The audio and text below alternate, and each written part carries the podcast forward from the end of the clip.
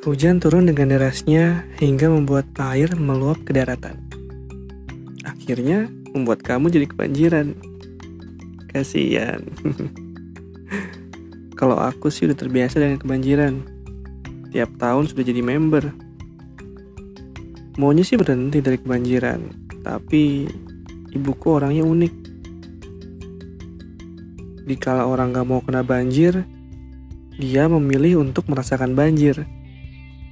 Alasannya, biar kita ikut merasakan gimana rasanya orang-orang kebanjiran. Hmm, kedengarannya memang cukup gak masuk akal. Tapi, ya udahlah. Begitulah beliau, gak mau senang sendiri.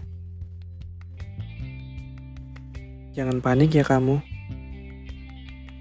Kebanjiran gak sendirian kok. Ada orang yang juga sedang kebanjiran, dan ada juga orang yang pernah kebanjiran.